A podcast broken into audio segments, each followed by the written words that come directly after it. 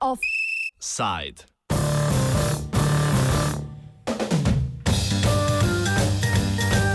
Uporna Italija.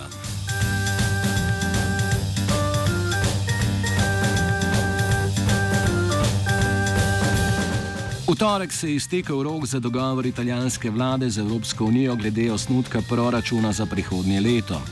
Kljub opozorilom Bruslja, da je trenutni predlog nesprejemljiv s finančnimi pravili Evropske unije, je ministr za gospodarski razvoj in podpredsednik italijanske vlade Luigi Di Maio sporočil, da se italijanska vlada ne bo uklonila pritiskom. Zaradi odstopanj od proračunskih pravil se je Evropska komisija konec oktobra prvič v zgodovini Unije odločila, da zavrne proračunski osnutek članice evrskega območja in zahteva novega. Proračunska pravila, ki so bila uvedena hkrati z enotno valuto, so deklarativno namenjena zagotavljanju zdravih javnih financ. Zaradi načina, na katerega so se izvajala pred gospodarsko krizo leta 2011, ta niso uspela preprečiti hudih finančnih neravnotežij v nekaterih državah članicah, predvsem v Grčiji.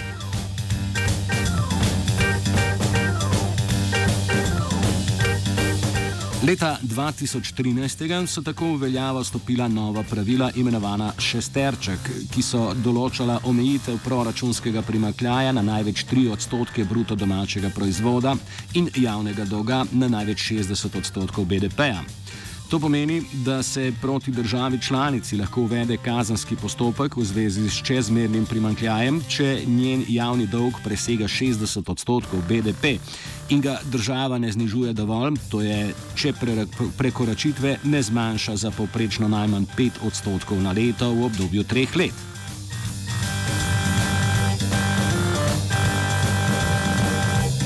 V okviru tega postopka je v skrajnem primeru predvidena denarna kazen za države članice v višini nič celih 2 odstotka BDP-ja, kar bi v primeru Italije znašalo 4 milijarde evrov. Obenem se kot kazen dodaja še delež razlike med dejanskim in ciljnim dolgom za posamezno leto, a skupna kazen ne sme preseči nič celih 5 odstotka BDP-ja. Komisija doslej postopka proti Italiji kljub previsokemu dolgu ni sprožila, ker javnofinančni primankljaj ni bil previsok in ker je bila pretežno skladna s strukturnimi cilji v preventivni fazi procesa spre, spreminjanja javnih financ članic.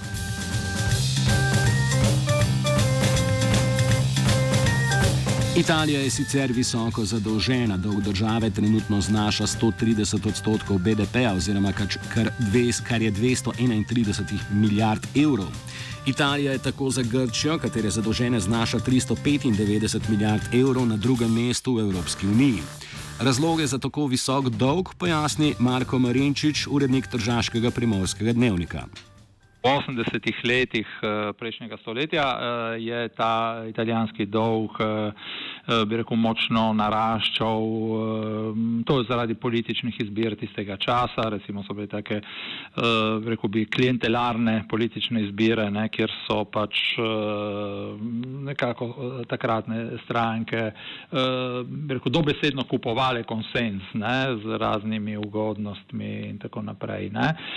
Potem, recimo, bolj tehnični razlog pa je bila odločitev tam ob prehodu na 90-ta leta, ko sta takratni guverner Banke Italije in eh, finančni eh, minister eh, v prizadevanju, da bi zaustavila, bi rekel, rast inflacije, odločila, da Banka Italije ne bo več odkupovala državnih obveznic in da bodo te šle v bistvu samo na trg. Ne? Se pravi, da banka ne bo neomejeno uh, tiskala denarja, v bistvu za krit državni primankljaj.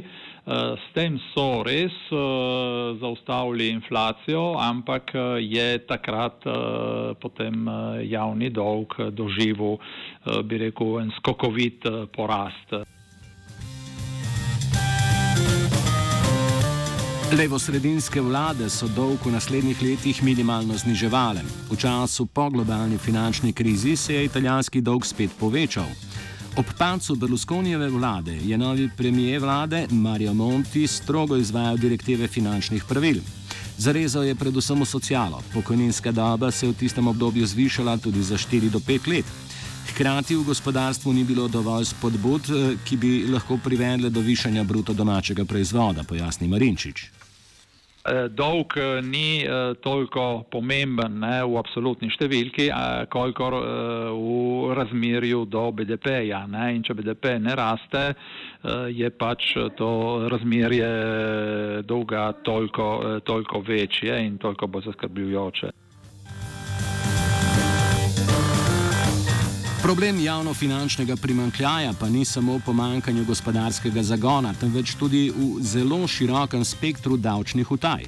Prihaja rekel, do paradoksov, ne? razni podjetniki, eh, trgovci, eh, svobodni poklici, obrtniki, eh, kar bi rekel množično utajujejo davke. Eh, problem, eh, ki eh, do zdaj je bil politično nerešljiv, ker eh, je ta pojav po eni strani tako razširjen in po drugi strani vse stranke, vse politične skupine, ki so si sledile na vladi, imajo eno pomembno bazo tudi volivnega konsenza, eh, tudi v teh eh, socialnih slojih, ne, kjer so tako razširjene davčne utaje, da si nihče ne upa, eh, bi rekel, resno poseč na to področje. Ne. Tem se strinja tudi poslanka slovenske narodne manjšine v italijanskem senatu Tatjana Rojc, ki povdarja, da je zaradi neučinkovitega sistema nadzora davčnih utaj zelo težko slediti denarnim tokovom, ki se stekajo ali odtekajo iz državne blagajne. Kar vidim, je tudi strahotno, ker je zelo uh, težko slediti uh, vsem, recimo, vsem odtokom denar, državnega denarja, ki gre iz proračuna. Zelo, zelo zahtevno. In seveda, italijanska država ima zelo široko paleto tudi državnih uslužbencev in funkcionarjev. Poleg tega so izredno visoki tudi izdatki notranjega ministrstva, ki skupaj z obrambnim dosegajo skoraj 5 odstotkov bruto domačega proizvoda. Vemo, da ima uh, več teles policijskih in državnih, uh, torej in, in vojaških, od karabinerjev do policije, do finančne straže, do um, vojaških enot. To so hudi izdatki, um, ki uh, do danes niso bili nikoli pod vprašajem.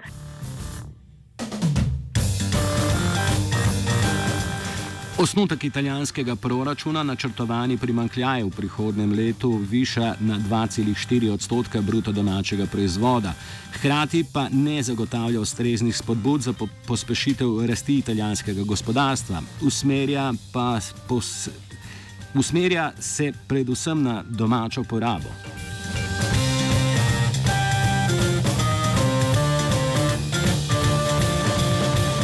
Osnutek tako predvideva uvedbo minimalnega dohodka, ki bi za brezposelne znašal 780 evrov.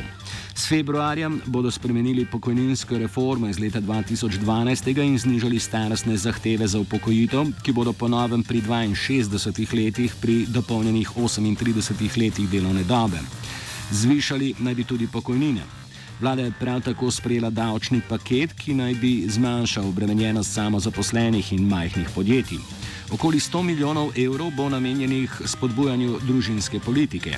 Ni pa predvidenih nobenih dodatnih davčnih obremenitev, razen za banke in zavarovalnice, pojasnjuje Marinčič da se zagotovi en minimalni dohodek eh, brezposelnim oziroma družinam, ki so na pragu revščine. In zato je potrebnih 10 milijard evrov in približno eh, enaka vsota eh, tudi za spremembo te pokojninske reforme, ki sem jo prej omenjal, ki je izvedla pred šestimi leti Montjeva vlada. Zato da se omogoči recimo ljudem upokojitev nekaj let prej kot po sedanjih pravilih, s tem pa, da se v primeru teh predčasnih upokojitev vsekakor potem tudi pokojnina nekoliko, nekoliko zmanjša. Ne? Italijanska vlada pričakuje, da bo s tovrstnimi ukrepi dvignila domačo porabo, predvsem z večanjem kupne moči in popraševanja po domačih produktih in s tem pospešila gospodarska rast. Z reformo pokojninskega sistema pa upa, da bo z trga dela spravila določen segment starejših zaposlenih, kar bi pripomoglo k odpiranju novih delovnih mest za mlajše zaposlene. To vrstni načrti so deležni kritik in to ne samo iz Bruslja, pojasnjuje Marinčič.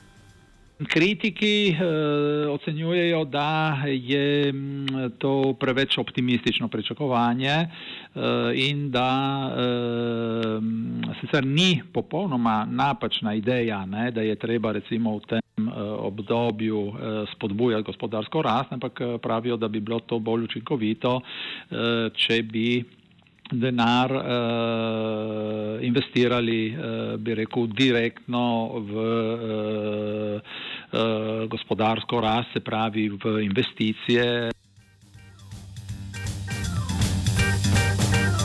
Uporniško pozicijo v uradnem Bruslju glede oblikovanja novega predloga proračuna pa moramo po besedah sogovornika iskati tudi v notranje politični sliki Italije. Medtem ko gibanje petih zvest pod vodstvom Luigija Di Maja izgublja podporo, Liga pod vodstvom Mateja Salvinija pridobiva na popularnosti predvsem med podjetniki in industrijalci na severu države. Salvini ob večanju priljubljenosti doma upa tudi na to, da se bo njegova stranka dobro odrezala na volitvah v Evropski parlament prihodnje leto, zaključuje Marinčič.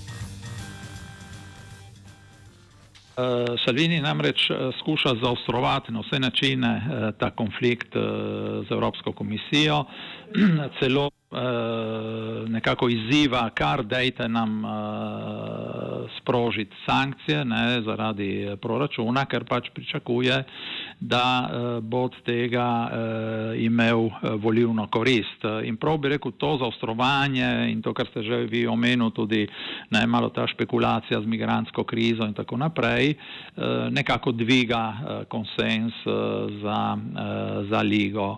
Uh, tukaj je spet tako uh, zelo tvegana igra, ker uh, namreč on postavlja tukaj preko enega abstraktnega sovražnika bruselsko birokracijo, to kostenelo garnituro Evropske komisije. Salvinjeva igra gre v to smer, da bi se on postavil kot uh, nekak evropski lider te populistične desnice s ciljem, da bi se eh, potem v novem Evropskem parlamentu oblikovala ena drugačna večina, eh, ne več eh, ta zmirna desnica Evropske ljudske stranke skupaj s socialisti in liberalci, ampak ljudska stranka povezana z desnico teh populistov. Ne recimo Orban in uh, ti tle so že itak uh, znotraj Evropske ljudske stranke, uh, Salvini in uh, ta druga gibanja pa se kandidirajo za to, da bi bili uh, nekako zavezniki.